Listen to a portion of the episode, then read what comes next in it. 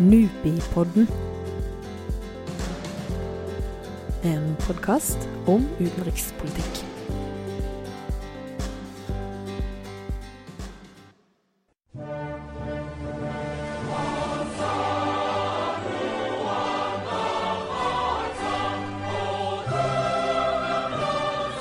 Vet du hva vi har hørt her? Hvis jeg skulle gjette, så må det være nasjonalsangen til Nagorno-Karabakh. Det er helt korrekt, for selv om Nagorno-Karabakh ikke er en internasjonalt anerkjent stat, så har denne enklaven både egen nasjonalsang, eget flagg og en egen president. Denne uka, sist i september, preger Nagorno-Karabakh nok en gang avisoverskriftene, etter meldinger om harde kamper i dette lille området i Sør-Kaukasus. Men hva er egentlig Nagorno-Karabakh? Hva er det som skjer der nå, og hvorfor er det viktig for verden rundt? Det er noe av det som er Ane Isbrekken og seniorforsker Helge Blakkisrud skal snakke om i denne episoden av Nupipodden. Og Helge, du er jo ekspert på det som vi kaller ikke-anerkjente stater og det skal vi snakke mer om, men vi må nesten begynne med the basics. Nagorno-Karabakh er en eh, etnisk enklave befolket av armenere som ligger inne på territoriet til dagens Aserbajdsjan. Og det ble opprettet av sovjetmyndighetene eh, på 20-tallet fordi alle etniske grupper i Sovjetunionen skulle ha en form for etnisk selvstyre, i hvert fall på papiret. Eh, og så, eh, når Sovjetunionen begynte å knake i sammenføyningene, så så armenerne i Nagorno-Karabakh muligheten til å kunne slå seg sammen med den armenske sovjetrepublikken. Og det er opptakten på den konflikten som vi ser i dag. Hvem er, det, hvem er det som bor der eh, nå, og hvem er det som bestemmer der? I dag så er dette et område som er rent armensk. Tidligere så har det vært en blandet befolkning gjennom århundrer, hvor eh, Kristne armenere og muslimske aserier har bodd side om side. Men i forbindelse med uh, borgerkrigen, som brøt ut da på tampen av Sovjetperioden og varte frem til 1994, så ble hele den uh, aseriske befolkningen uh, fordrevet. man sier at rundt regnet 1,2 millioner mennesker Eh, ble fordrevet og lever eh, som internt fordrevne i Aserbajdsjan i dag. Det har vært en eh, lang og betent konflikt, men hvorfor, hvor, hvorfor? Hvorfor konflikt, og hvorfor kriger de? Eh, hvorfor har det her vart så lenge, og hvorfor er det så vanskelig å finne en løsning? Dette er jo i utgangspunktet da en, en, etnisk konflikt. Man kunne også kanskje tenke seg at det har en religiøs dimensjon, men, men i utgangspunktet en, en etnisk definert konflikt og et ønske eh, fra armenerne eh, i Nagorno-Karabakh om å få bli en del, bli eh, forent med sine etniske brødre og søstre i Armenia. Og så var det en, da en eh, ganske blodig borgerkrig som har vært med på å skape steile fronter, og som eh, har gjort at det er veldig vanskelig å, å finne frem til en, en løsning på, på, konflikten etter at det ble inngått en våpenhvile i 1994. Den, eh, den våpenhvilen eh, i 1994, har den, har den vart fram til nå, eller har det også vært kamper tidligere? Våpenhvilen har jo formelt sett eh, vart, men det har vært eh, jevnlige eh, brudd. Eh, er, man omtaler våpenhvilelinjen som kontaktlinjen.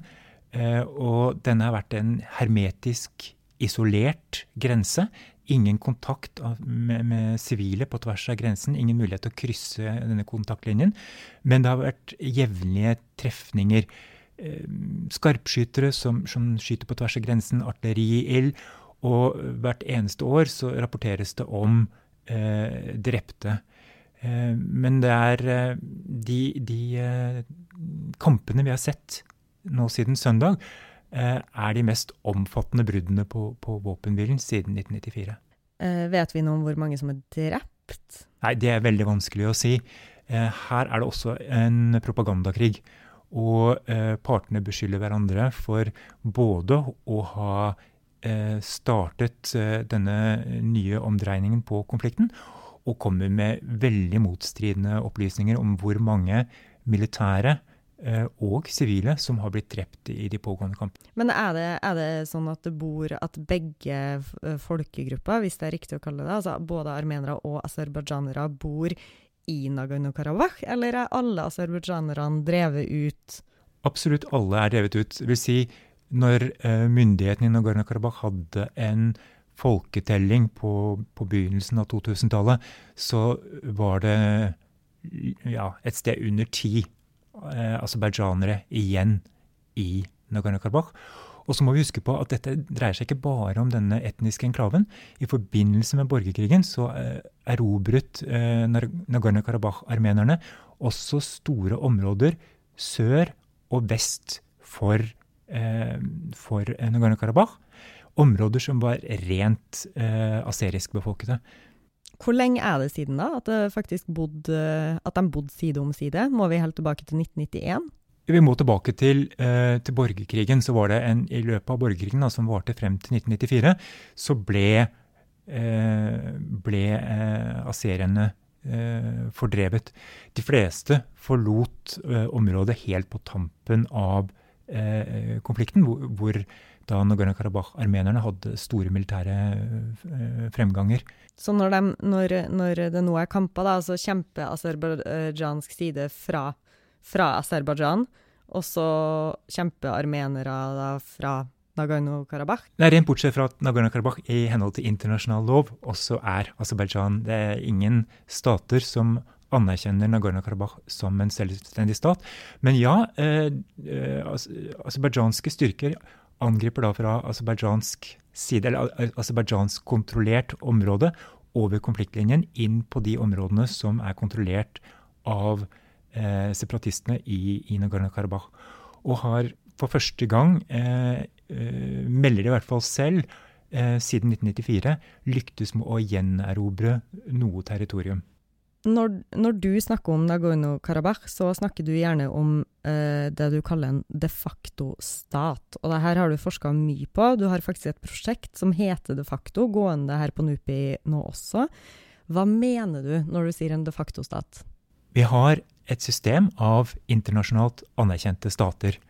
Eh, noen av disse statene er det vi kaller for failed states. Dvs. Si at de, de, lever ikke opp til hva vi skulle si er minimumskravene til hva vi forventer at en stat skal eh, levere. Et eksempel er Somalia, som har eh, internasjonal anerkjennelse, men svært eh, svake statsstrukturer. En de facto-stat er det motsatte. Det er en stat som eh, ikke er internasjonalt anerkjent, men som i praksis eh, fungerer og leverer.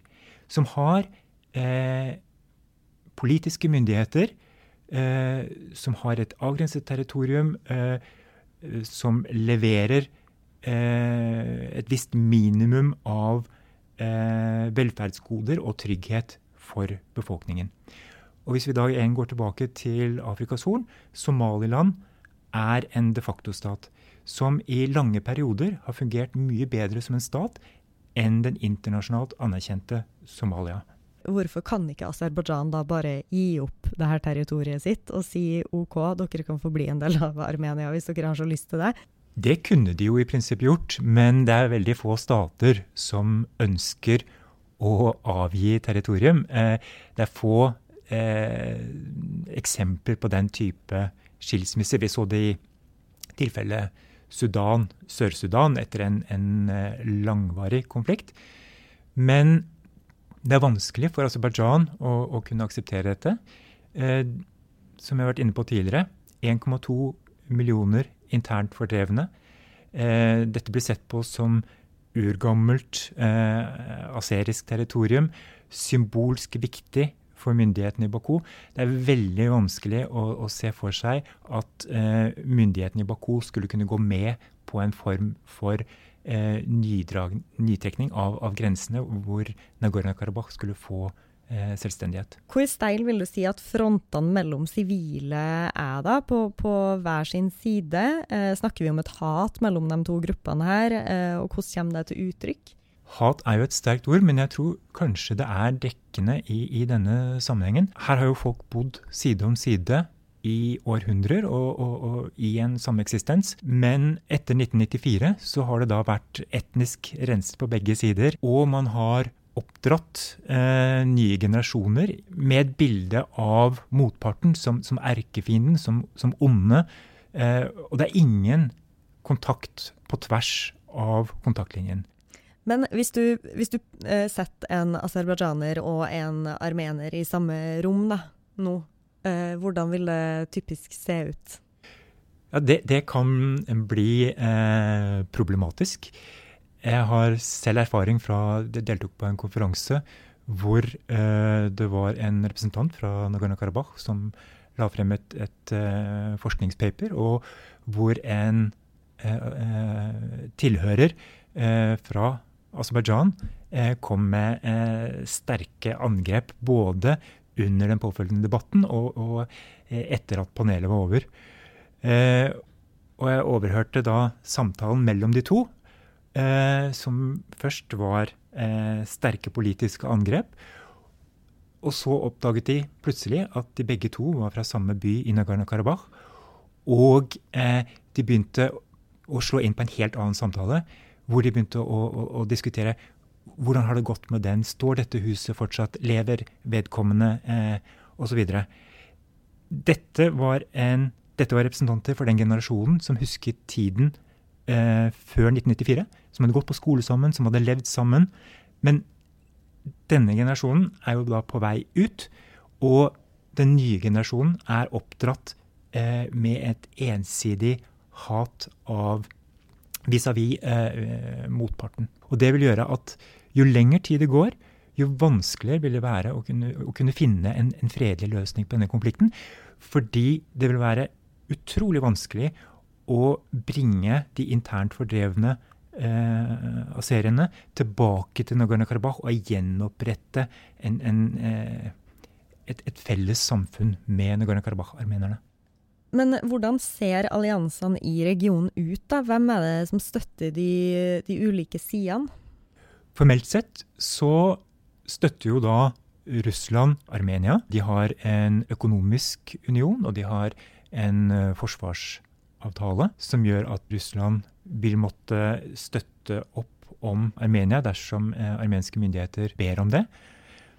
Men samtidig så er Russland på begge sider av konfliktlinjen, gitt at de også har nære bånd til Aserbajdsjan og bl.a. har forsynt Aserbajdsjan med betydelige våpenleveranser de senere årene. Eh, ellers i nabolaget så har vi Iran. De er nøytrale, men pro-armenske. Det virker kanskje litt ulogisk, eh, gitt at eh, armenerne er kristne, deres fiende er sjiamuslimske aserier.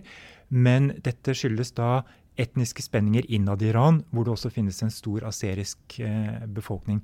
Så Armenia og Iran har siden eh, 90-tallet hatt et ganske godt forhold.